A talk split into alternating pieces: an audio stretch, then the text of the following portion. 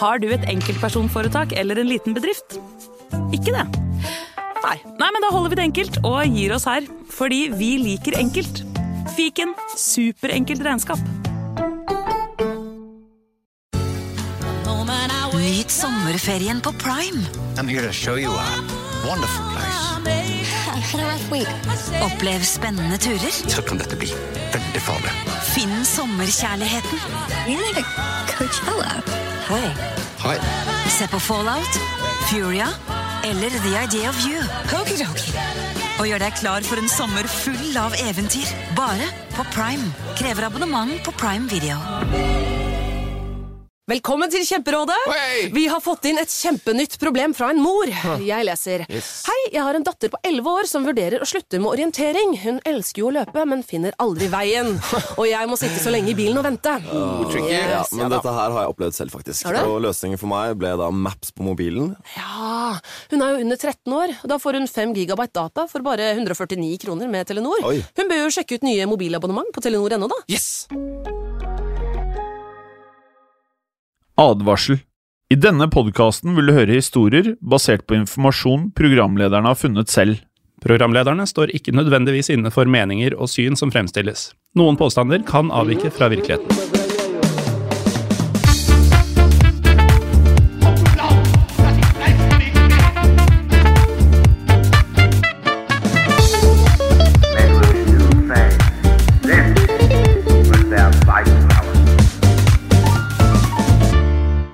Og velkommen til en splitter ny episode av Historiepodden andre verdenskrig. Mitt navn er Jim Fosheim. Og mitt navn er Morten Galaasen.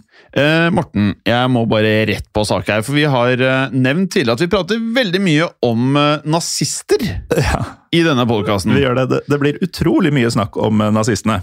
Ja, eh, så det er jo ikke så rart. Det er en podkast om annen verdenskrig som nazistene da eh, drev fremover. De var ganske sentrale i fortellinga om andre verdenskrig. Ja, øh, Men vi har jo nå øh, tatt et par runder for å prøve å vekte opp fortellinger om allierte, eller ting som ikke nødvendigvis bare er om tysker, og liksom mikse det litt, litt mer, da.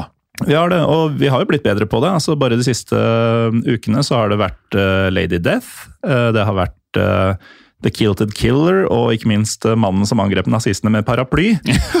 Eh, så det er bare å kose seg litt bakover i arkivet. Men vi skal da igjen da i dag øh, snakke om noe annet enn nazistene, eller de allierte. Ja, og i dag så håper jeg og tror at hvis du er veldig interessert i annen verdenskrig, så tror jeg nok de aller fleste har hørt dette navnet tidligere. Mm. Eh, jeg vil si at Churchill er jo et mer gjenkjennbart navn. Jeg føler ikke at det her er så Churchill er nok mye større, men det er på en måte i samme sfære, eller? Ja, du kan for så vidt si det. Ja. Mm. Eh, Mannen vi skal eh, prate om, er en av de aller mest legendariske generalene på den allierte siden, nemlig George S. Patton. En mann som eh, fikk et rykte for å ha vært både en genial, eh, men ikke minst eh, kontroversiell leder. Svært kontroversiell, vil mange si. Eh, For Patten ble jo da på mange måter eh, Morten kjent som en løs kanon, og det kan man jo like. Eh, Det er ofte de løse kanonene og eksentrikerne som vi eh, tar for oss når vi først snakker eh, allierte. Ja, fordi han, han har gjort litt forskjellige ting. Et eksempel på hvordan han kanskje er litt annerledes enn andre. Så skal han ha slått en av det, det er ikke meningen, Jeg ler ikke fordi at noen ble skadet, men det er ganske spesielt. Ja. Han slo en av sine egne soldater i hodet med en spade. Ja, han, han gjorde det. Men eh, likevel så hadde jo Patten eh, mildt sagt en meget vellykka og ikke minst eh, lang militær karriere. Faktisk så lang at vi ikke får plass til alt i én episode, Morten. Noe som betyr at dette blir da del én av to om Ge General George Patton. um, og da er det faktisk slik at eh, selv om denne podkasten heter Historie på den andre verdenskrig, så kommer vi faktisk ikke frem til annen verdenskrig før i del to, utrolig nok. Nei, og det er jo noe vi har sagt eh, flere ganger, at podkasten Det vi snakker om må ikke nødvendigvis ha skjedd under de seks årene, eh, men det må være relatert til, og her blir det da mye foranledning da, til Pattens rolle i andre verdenskrig i denne episoden. Ja. Eh, Det skal først handle om Pattens tjeneste under første verdenskrig, i tillegg til at vi skal innom Pattens deltakelse i OL.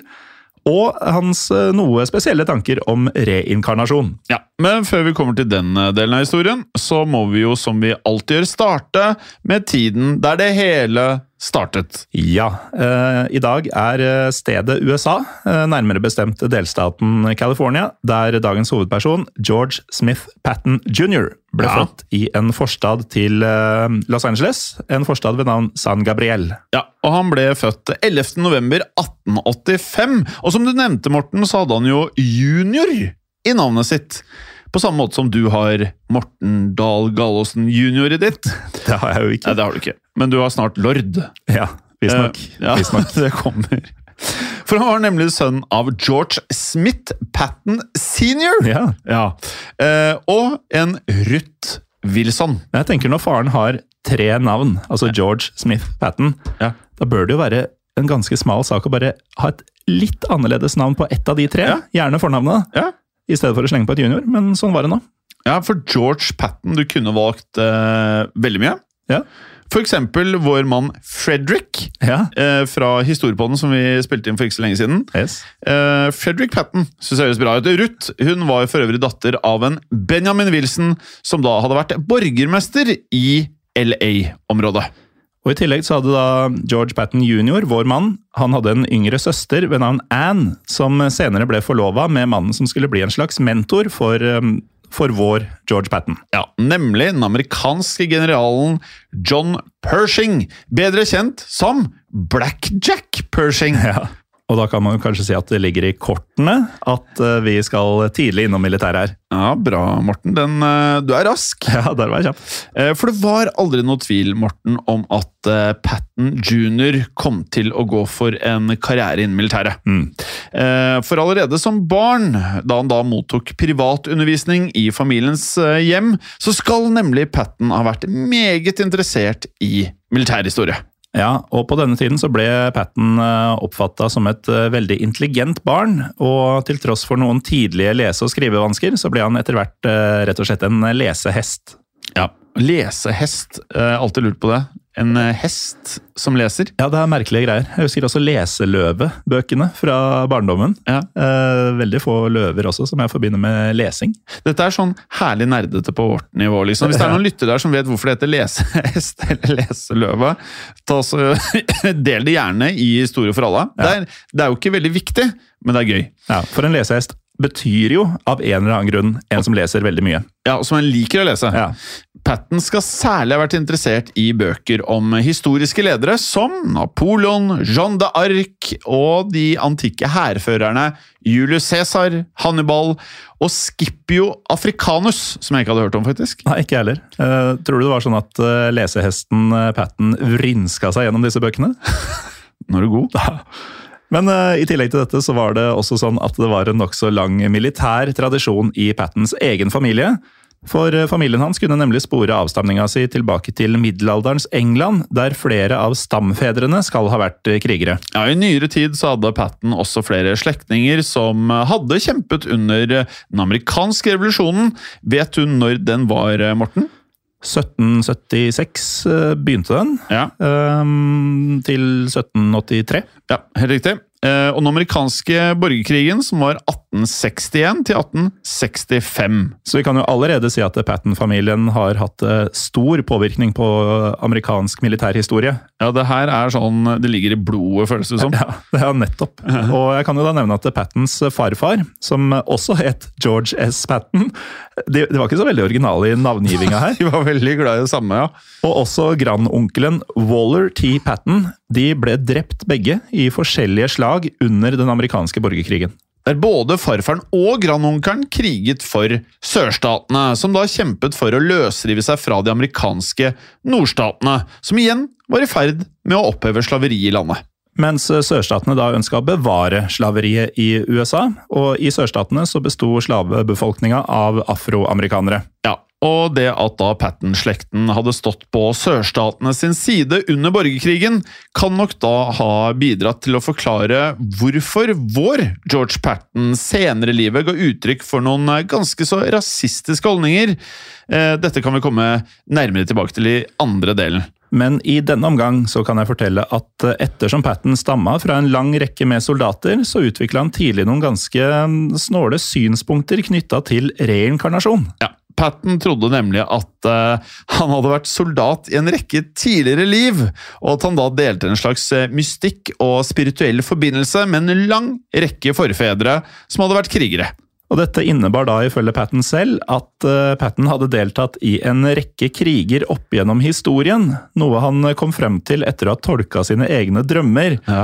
Mens han sov, så drømte nemlig Patten om å ha kjempa som soldat for både Alexander den store og for Romerriket. Ja, men det er pent, da. Det er pent. Ja, I tillegg så hadde Patten eh, drømmer om å ha kjempet som engelsk bueskytter i middelalderen, eh, og som en av Napoleons soldater på 1800-tallet. Jeg, jeg tror ikke det er mange som er klar over dette her. Nei, dette er eh, litt spesielle greier. Ja. Og så er det jo selvfølgelig folk har forskjellige livssyn, og man skal respektere det også, men det, det er så spesifikke Ja, veldig eh, tanker spesifikt. Eh, og så må vi jo legge til noe som er særs viktig her. Mm. Og det er at felles at, Altså, det var noe som gikk igjen i alle drømmene. Uh, og det som var felles for nettopp disse, var det at Patten ofte drømte at han selv ble da drept på slutten av drømmene.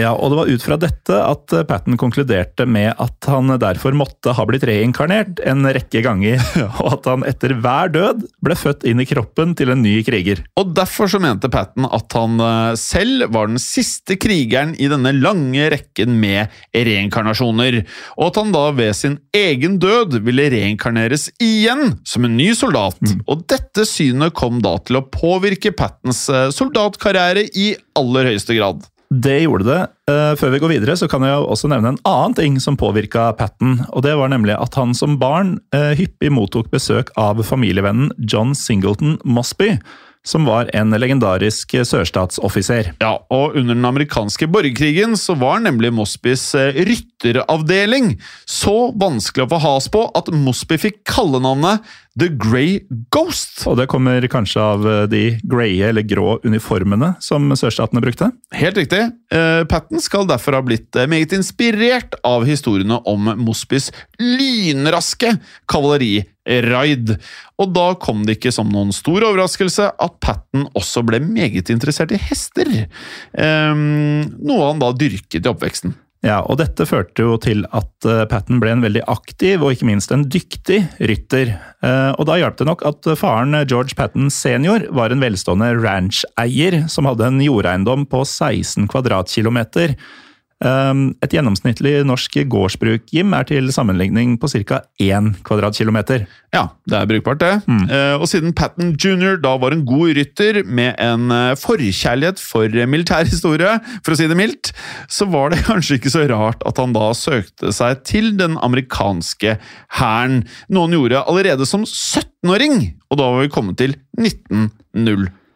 Ja, for i 1902, 17 år gammel, så ble Patten akseptert inn på det prestisjefylte amerikanske militærakademiet West Point, der han skal ha utmerka seg innenfor alt eh, som har å gjøre med drilløvelser. Ja, Patten ble også med i akademiets fekteklubb, i tillegg til at han da ble aktiv innen idrettsgrenen det har jeg aldri hørt om før. Pensafion. Pensafion. Altså, jeg vet jo at triatlon er jo tre forskjellige øvelser. Uh, og så er jo skiskyting Det internasjonale navnet på det er biathlon. Ja, det ja er- det, det er pentathlon. Nei, pentaslon. Ja, så hva tolker du ut av det da, Jim? Femkamp. Ja. Ja, og det vet jeg kun fordi jeg kan gresk. At eh, pende er fem, Ikke og da ble det pentathlon. Ja. Og hva består dette pentatlonet av? Det kan jeg fortelle deg. Det er nemlig eh, fem forskjellige konkurranser innen fekting, svømming, hesteridning. Det her må jo ha vært ideelt for han. Ja. Eh, løping og også pistolskyting. Ja. Så du skjønner jo den amerikanske historien. Altså, Det er pistoler og våpen eh, i de siste 200 åra. Det er en pistoltung historie de har Ja. der. Eh, Til tross for at Patten var en meget fysisk aktiv student, så var likevel karakterene hans ved West Point eh, middelmådige. Og da han ble uteksaminert i 1909, så var Patten den 46. beste eleven i kullet sitt. Og Det kullet besto av 103 kadetter, så middelmådig er ganske spot on beskrivelse. Ja, dette her er veldig midt på treet.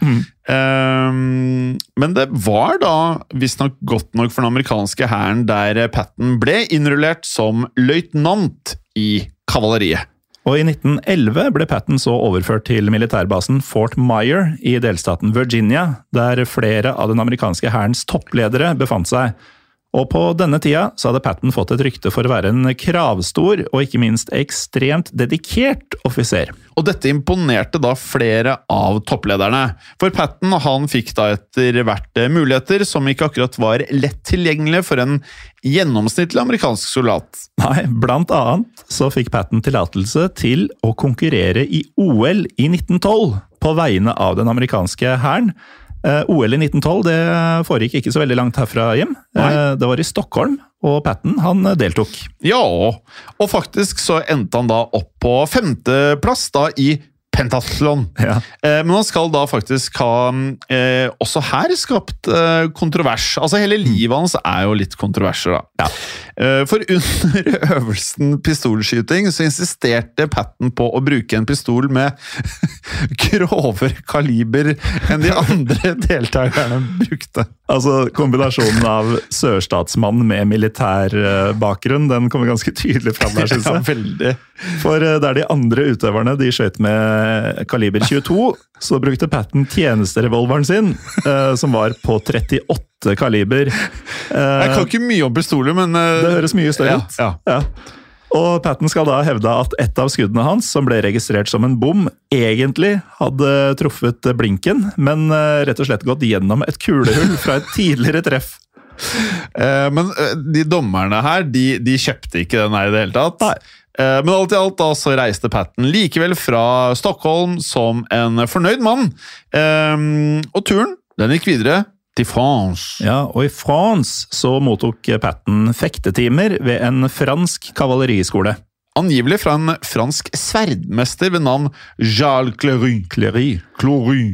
Og da Patton vendte tilbake til USA, så brukte han denne lærdommen til å designe et nytt sverd. altså, Ja. jeg er god til å fekte nå, så derfor så kan jeg lage sverd. Um, dette sverdet som Patton designa, ble faktisk tatt i bruk i den amerikanske hæren i 1913. Ja, for dette året så ble nemlig den såkalte Model 1913 Cavalry Saber, bedre kjent som The Patten Saber, lansert. Um, og for uh, Jeg vet ikke hvor mange sverdinteresserte lyttere vi har, men de som er sverdinteresserte, så kan jeg jo nevne at denne sabelen var designet for å gjennomføre stikkbevegelser. Altså for å bore gjennom kjøtt eh, uh, og, og få det gjennom eh, kroppen din. Ja, og det er jo litt interessant, fordi eh, eldre amerikanske sabler, og det som jeg eh, forbinder med sabler, er jo bedre egna til hugg. Ja, han var opptatt av å stikke deg. uh, og selv om Patten senere skulle bli kjent uh, for sin bruk av tanks, så holdt han seg i aller høyeste grad til sverd på denne tiden. Uh, og vi har jo hørt opp gjennom mange episoder med Historiebånden og Historiebånden andre verdenskrig at det er noen varianter under annen verdenskrig som var veldig glad i sverd Ja. også.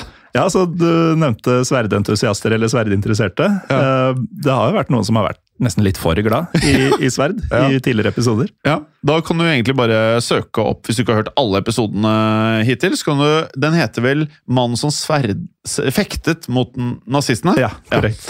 Ja, det er en uh, fin variant. Um, kan jo legge til at eh, han eh, ble en fekteinstruktør også i hæren. Han gjorde det. Patten Patton underviste da på Fort Riley i Kansas, der han ble den fremste instruktøren i fekting. Og som et tegn på dette, altså at han var den fremste instruktøren, så fikk Patton en ganske pretensiøs tittel, vil jeg si.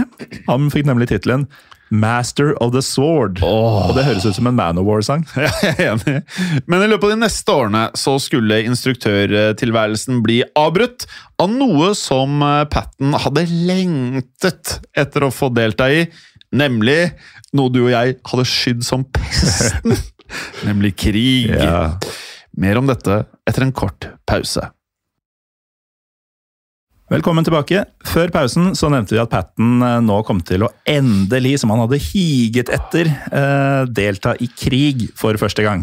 Ja.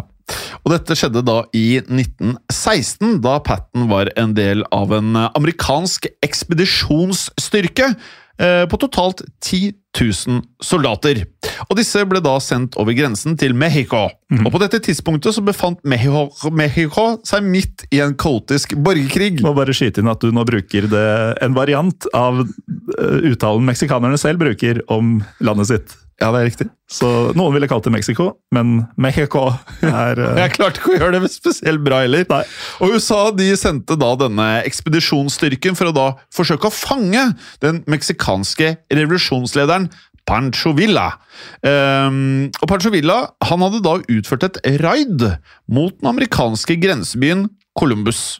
Og den amerikanske ekspedisjonen ble leda av tidligere nevnte general John Blackjack Pershing. Det er veldig fint kallenavn. Det er fint kallenavn. Eh, og Patten han tjenestegjorde da for Pershing som eh, personlig adjutant. Ja, og dermed så var Patten eh, tett på Blackjack, som da gjorde at Patten kunne studere og lære av Pershing. Og Blackjack han var da på dette tidspunktet en general, og han var ansett som svært aggressiv, Mm. og også opptatt av å lede fra frontlinjen, noe du og jeg aldri hadde turt. Eh, Og dette her, det passet Patten utmerket. Ja, og da er det kanskje ikke så overraskende at Patten etter hvert ba om tillatelse til å selv få lede tropper, noe Blackjack eh, Han følte han hadde flaks med terningene i dag, eller er det kortene, kanskje? Det er kort, ja. Han samtykket, han sa ja. Og dermed så fikk eh, George Patten sin første direkte erfaring med kamp, da Patten deltok i det som faktisk var det første motoriserte angrepet i den amerikanske hærens historie. Ja, Der følte jeg du øh, mellom linjene sa at du ikke Du er ikke noen gambling man. Nei, eh, jeg hadde veldig lite å gjøre i Vegas da jeg var innom der for en del år tilbake.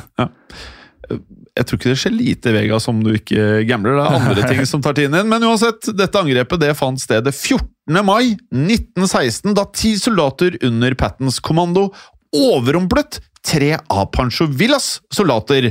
Ehm, og de skal angivelig, etter hva vi kan forstå, vært ute for å skaffe forsyninger. Ja, og disse tre meksikanerne ble tatt eh, fullstendig på senga da Patten og co. kjørte fram i tre biler.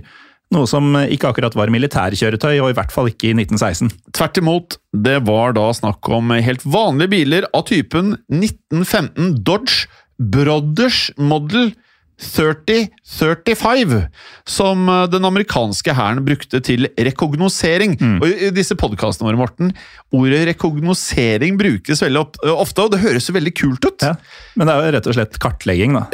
At, uh, at man tar en kikk for å se hva man har å forholde seg til før man legger planen og Ja. angriper.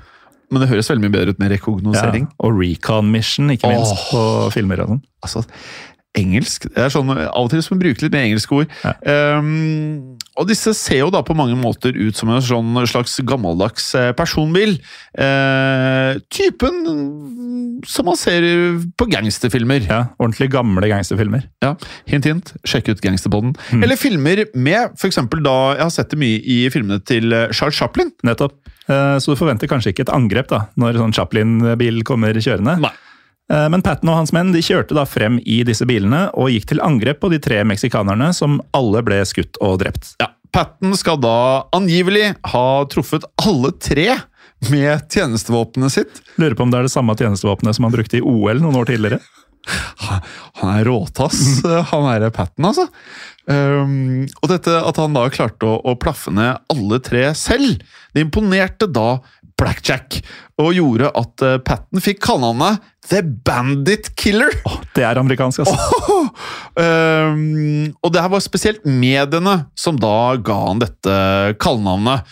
Uh, og de holdt jo veldig oppsyn under denne konflikten. Ja, De dekka den på nært hold. og um, Patten han tilbrakte da resten av året i Mexico, før han visstnok returnerte til USA etter å ha blitt skadet av en gasslampe som eksploderte i nærheten av han.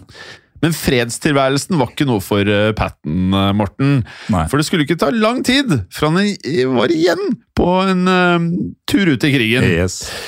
Denne gangen så dro han til Europa, der første verdenskrig da hadde rast av gårde siden 1914. Ja, og det at vi i stad sa nå var det 1916 og han skal ut i krig for første gang Jeg tror de aller aller fleste tok det for gitt at det var da han skulle til første verdenskrig, men eh, det var det altså ikke. Nei. Men i eh, 1917, da gikk USA inn i første verdenskrig på britisk og fransk side. Og Derfor ble det forberedt en amerikansk ekspedisjonsstyrke som skulle sendes for å hjelpe Storbritannia og Frankrike i kampen mot Tyskland. Kunne man sagt rekognoseringsstyrke? Kanskje. Men Spørs eh, litt hva de har tenkt å gjøre her, da. Ja. Eh, for igjen så var det da Blackjack som fikk kommandoen over de amerikanske soldatene. Og da søkte Patten seg like godt inn i Blackjacks personlige stab. Og etter eskapaden i Mexico så ble Patten uten problemer akseptert inn i denne staben. Og deretter ble Patten forfremma til kaptein, før han satte kursen for Frankrike den 28. mai 1917. Men eh, her, Morten, skulle det skje noe, for eh, i løpet av den første tiden i eh, Frankrike så ble Patten igjen misfornøyd med tilværelsen sin. For uh, Patten han hadde nemlig fått i oppgave å håndtere mer logistiske oppgaver. Ja. Eh, noe Patten angivelig ikke bare mistrivdes med, men han likte det svært dårlig. Ja, Det er vel ikke logistikk han forbinder med krig, tror jeg. Eh, han skrev nemlig følgende til kona Beatrice. One year ago today, we reached Paris full of desire to kill Germans. Paris. Of course, I have done a lot, but I keep dreading the war should finish before I can really do any fighting. That would destroy my military career, or at least give it a great setback. The unknown is always full of terrors, and I wake up at night in a sweat, fearing that the damn show is over. I trust that it, it is uh, doing my character a lot of good, for I keep at it in spite of constant difficulties and discouragements. But unless I get into a fight or two, it's all wasted effort. Hva skal vi si om dette her, Morten? Han er eh, keen på å få knerta noen tyskere, i hvert fall.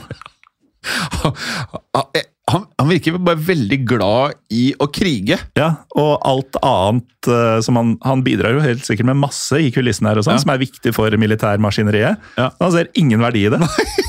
Men har du vært på Megazone noen gang? Eh, ja, Du vet sånn Det er fort 25 år siden. Ja, men- ja, ja, det er lenge siden, men du, fikk du også litt adrenalin? Det var noe med liksom der eh, Du løp Mm. rundt i gangen når du Noen ganger kolliderte man jo med veggene, men når man Ja. klarte liksom å skyte noen, det var et adrenalinkick. Ja, og ikke minst var det mye morsommere enn å klargjøre de vestene og sånn. Ja. Som er mer en logistisk oppgave. Ja, logistisk. Men poenget var at eh, det virker nesten som vi har hatt mange av disse her i historiepodden i historiepodden andre verdenskrig. Disse her som gleder seg til krig. Mm. Eh, Det virker som at de kanskje har det samme forholdet som vi hadde til Megazone som eh, barn. At de på en måte, det er et adrenalin de får av å være i krig, men så er de skrudd sammen litt annerledes enn du og jeg. Mm, hvor, hvor det at eh, du kan bli drept, ikke Kanskje påvirker de på samme måte. Du og jeg hadde bare gått konstant og bare La oss ikke bli truffet. Ja, det er veldig, altså en ekstrem utgave av sånn high risk, high reward-tankegang, kanskje. Men uh, tilbake til historien her, fordi Patten ble jo da, som du nevnte, ikke umiddelbart kastet inn ved frontlinjen. Uh, men med det så fikk han da tid til å bli kjent med en ny militær oppfinnelse. Nemlig stridsvognen. Yes, for i november 1917 så eh, tilbrakte nemlig Patten tid ved den franske hærens nyoppretta tanksskole. Ja, der eh, han for aller første gang fikk kjøre en panservogn av typen Renault FT. Det er fransk, det. Ja, det er fransk. Og i tillegg så besøkte Patten Renault-fabrikken, eh, hvor naturlig nok disse eh, tanksene ble produsert. Og da britene så for aller første gang begynte å bruke tanks i kamp, så fulgte Patten ivrig med på rapportene som kom inn fra fronten. Og de rapportene fortalte at de nye stridsvognene viste seg å være meget effektive i strid, noe som overbeviste amerikanerne om at de også måtte skaffe seg slike stridsvogner. Det er riktig, det. Og ettersom Patten da var den eneste amerikanske soldaten som hadde kjørt en panservogn tidligere, skal han da faktisk eh, personlig ha rygget de første sju panservognene som amerikanerne mottok, ned fra toget. Ja, og nå kommer vi til året 1918, da Patten igjen hadde blitt forfremma, denne gangen til major. Og som du nevnte i stad, Jim, så hadde jo Patten et eh, ganske tydelig ønske, som vi fikk med oss i det brevet også. tydelig ønske om å komme nærmere frontlinja, noe som gjorde at han søkte om å bli flytta vekk fra staben til Blackjack. Ja. I august 1918 så fikk Patten derfor kommando over en egen stridsvognbrigade, og gjennom et brev Patten da skrev til kona Beatrice, er vi nå så heldige at vi har Pattens egne tanker rundt dette rollebyttet. Og med tanke på det forrige brevet til Beatrice som vi leste fra, så har jeg ganske høye forventninger nå, Jim. Jeg gleder meg. Eh, disse tankene rundt rollebyttet lyder som følger. I would have been simply an office boy. Starter bra. I have always talked blood and murder, and have looked on as an advocate of close-up fighting. I could never look myself in the face if I was a staff officer and comparatively safe. Å, han er så hard! The tanks were a great opportunity for me. I ought to be one of the high ranking men, one of the two or three at the top. I am fitted for it as I have uh, imagination and daring and exceptional mechanical knowledge. Tanks will be much more important than aviation, and the man on the ground floor will reap the benefit. It would not have been right, either to Pershing or myself, to have hung on any longer. Besides, I was losing my independence of thought, and a little more of it would have made a nothing of me. I have always talked blood and murder. også, også noe som kunne vært Manowar. Ja, det er altså um, Han ville ikke være en officeboy, i hvert fall. Eh, og med denne brigaden da, som han nå kommanderte, så ledet Patten det første amerikanske angrepet noensinne som da benyttet seg av stridsvogner. Så Patten er jo en Han er pioner på alt. da. Ja, han er en pioner på veldig mye innen eh, feltet sitt, da. Ja. Eller feltene. Feltene, han ja. designa jo også sabelen som de skulle bruke. Stikksabelen. Eh, og dette angrepet det skjedde under slaget ved Sant Mihiel. Mihiel? San Mihiel. San Mihiel. Høres ut som San Miguel, men eh, Ja, det er ikke San Miguel. variant. Det skrives S-A-I-N-T bindestrek M-I-H-I-L. Ja. Mihiel. Uansett, dette eh, slaget ved San Mihiel det var i september 1918, da en styrke på 500 000 amerikanske soldater gikk til angrep på tyske stillinger i nærheten av byen Metz. Og da leda Patten de amerikanske stridsvognene personlig ved frontlinja i sin egen stridsvogn, noe Patten mente hadde en inspirerende innvirkning på soldatene hans. Og her kan jeg sitere, ikke Patten denne gangen, men historikeren Alan Axelrod, som har skrevet følgende om Patten.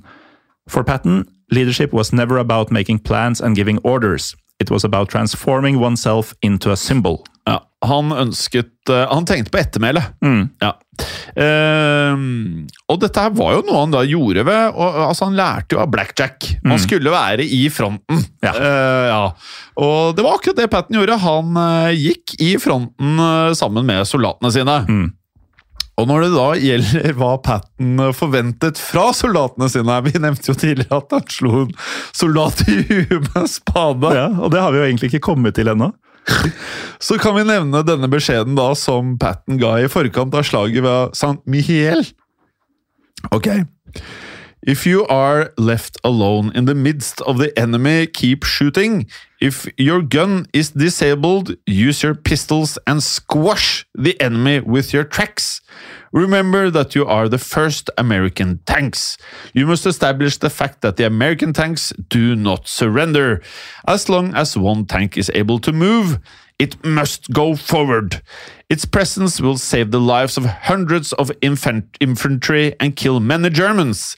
This is our big chance. What we have worked for, make it worthwhile. Dette var jo ikke så vilt. Dette her var jo mer sånn, ja, eh, litt sånn patriotisk og go get them. Ja, og litt sånn halvkamikaze-aktig. Altså, selv om situasjonen er håpløs, så skal du skyte og drepe til siste stund. Selv om pistolen din ikke skyter lenger. Ja, men alternativet er å gi opp, da. Ja, og det, det var ikke et alternativ. Nei, det var ikke et alternativ. Eh, Åpenbart. Nei. Og talen kan jo da ha hatt en viss effekt på Pattens soldater, ettersom amerikanerne vant dette slaget uten eh, større problemer. Vel å merke godt hjulpet da, av at de tyske styrkene allerede var i ferd med å trekke seg tilbake da angrepet fant sted. Og dette oppmuntret da de amerikanske soldatene til å rykke videre frem. Den 26. september 1918 gikk amerikanerne derfor igjen til angrep for å presse tyskerne tilbake. Og Patten han ledet da en avdeling med tanks, visstnok gjennom en skikk skikkelig tåke. Eh, og i denne tåken så avanserte de nesten én mil inn i de tyske linjene. Og da ble Patten faktisk eh, såret mens han leda et angrep mot tyske maskingeværstillinger ved byen Chepy. Noe som må ha skjedd da han eh, da befant seg utenfor tanksen sin. Ja, og Patten ble da truffet av en kule i det ene benet, eh, men eh, Patten han skulle ikke gi seg. Nei, eh, som han da hadde uttalt i beskjeden til soldatene sine, så var ikke det grunn til å gi opp. Patten fortsatte en hel time i å lede de amerikanske styrkene fra et granatkrater som han søkte dekning i, før han omsider ble evakuert. Og dette var på mange måter typisk for uh, Patten. Han uh, var jo, som vi nå har erfart, typen som alltid ville få jobben gjort. Uh, noe hans egne menn også fikk erfare. For i løpet av denne trefningen så klappet nemlig Patten da til, som vi nevnte, en av sine egne soldater med denne spaden. Mm. og det var rett og slett fordi soldaten ikke ville adlyde en ordre. Og Da tipper jeg at soldaten var heldig med at Patten da ikke hadde adgang til noe hardere enn en spade. Uh, Patten sin egen beskrivelse av situasjonen er følgende.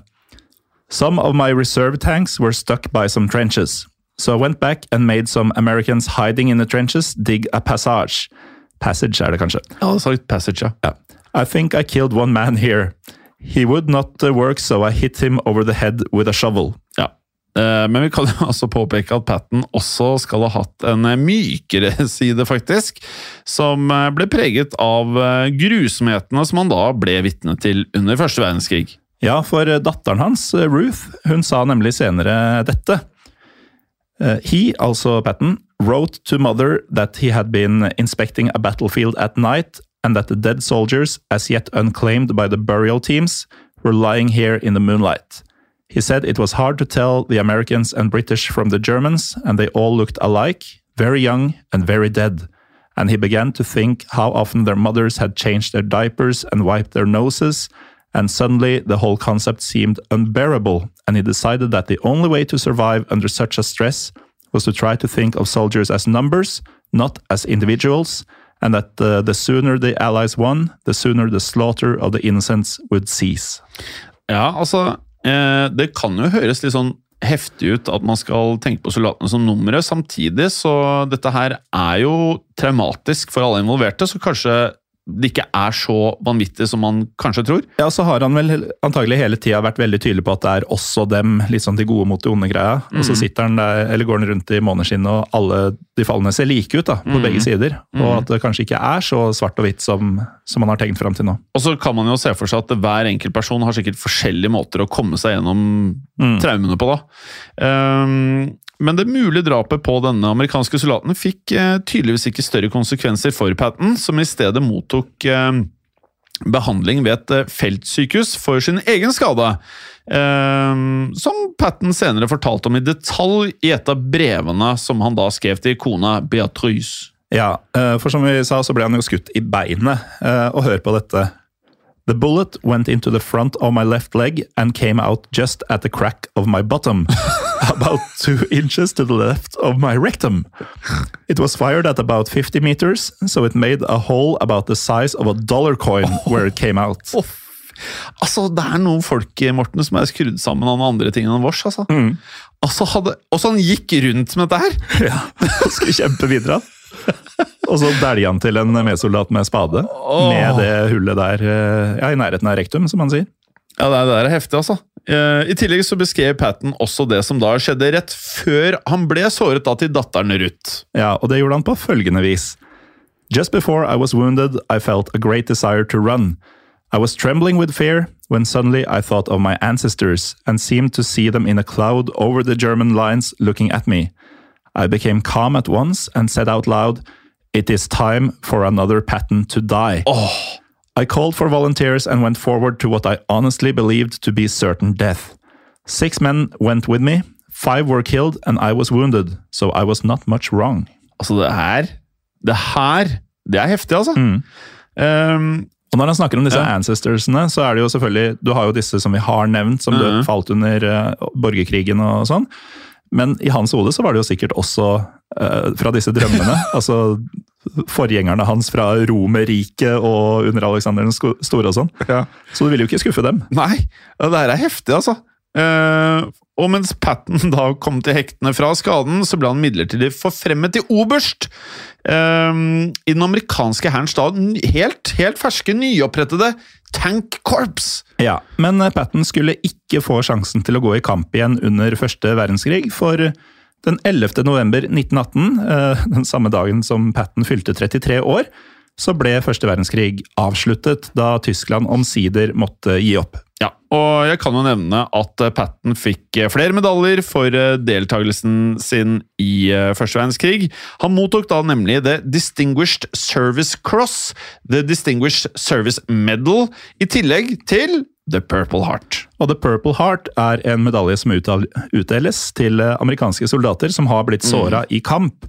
Men i motsetning til mange andre soldater som blir såra i kamp, så var det for Patten ikke snakk om å gå tilbake til det sivile liv. Det her er jo ikke overraskende. Nei. Nei. Uh, han, eh, han skulle fortsette dette livet. Så Patten dro da tilbake til USA, der han fortsatte å tjenestegjøre i den amerikanske hæren og videreutvikle tankene sine når det gjaldt hvordan man kunne bruke stridsvogner i krigføring. Ja, Patten han ble nemlig av um, Altså Han var av den oppfatning at tanks ikke burde brukes som en måte å støtte angripende fotsoldater på. I stedet så mente Patten at tanksene da heller burde fungere som en eh, helt egen avdeling, som igjen skulle krige uavhengig og også separat fra infanteriet. Og ettersom Patten hadde god praktisk erfaring med tanks, så ble han plassert i en komité som bokstavelig talt skulle skrive håndboka når det gjaldt den amerikanske hærens måte å krige med nettopp tanks. Ja, og For å sette ting litt i eh, tidsperspektiv her, så er vi nå i 1920. Eh, og George Patten er nå blitt 35 år gammel. Og På denne tiden så ble Patten også kjent med en person som vi da skal prate en del mer om i del to, nemlig Dwight D. Eisenhower. Som eh, jo senere eh, skulle bli øverstkommanderende general for de allierte styrkene under annen verdenskrig.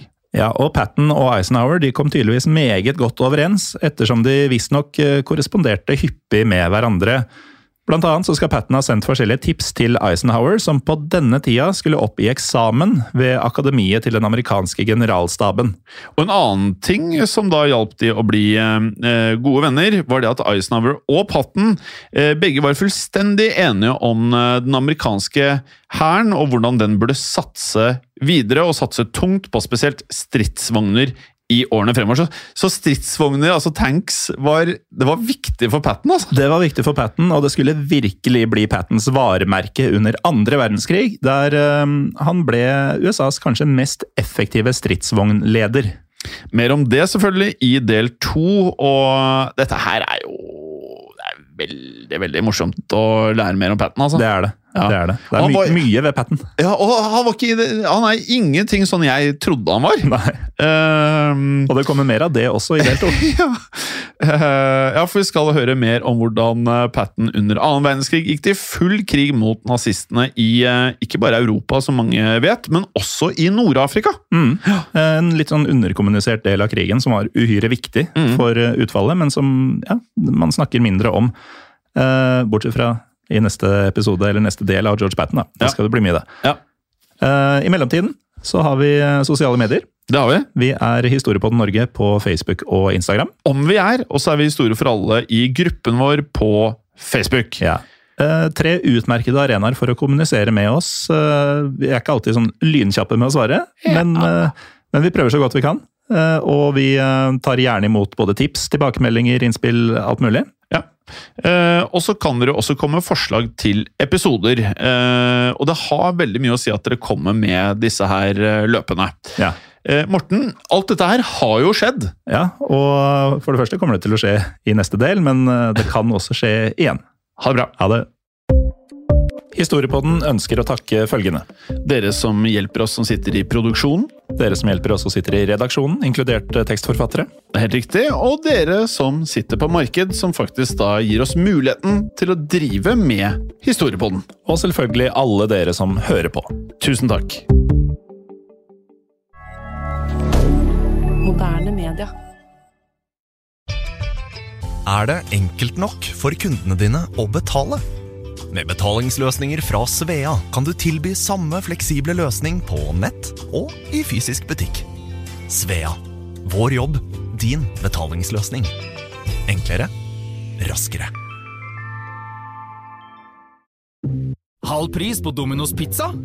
Ja, i dag er det Crazy Tuesday og halv pris på alle medium pizza hos Domino's. Det stemmer. Halv pris på pizza hver tirsdag. Bestill på dominos.no eller i appen. Crazy Tuesday hver tirsdag hos Dominos. Klokka er sju om morgenen. Tirsdag den 9. april 1940. Det er en telefon som ringer. Det er hjemme hos banksjef Andreas Lund på Lillehammer. Andreas Lund tar telefonen, og den som ringer, er sjefen hans. Det er sentralbanksjef i Norge, Nikolai Rygg. Rygg forteller Andreas Lund at Norge er i ferd med å bli invadert av tyskerne.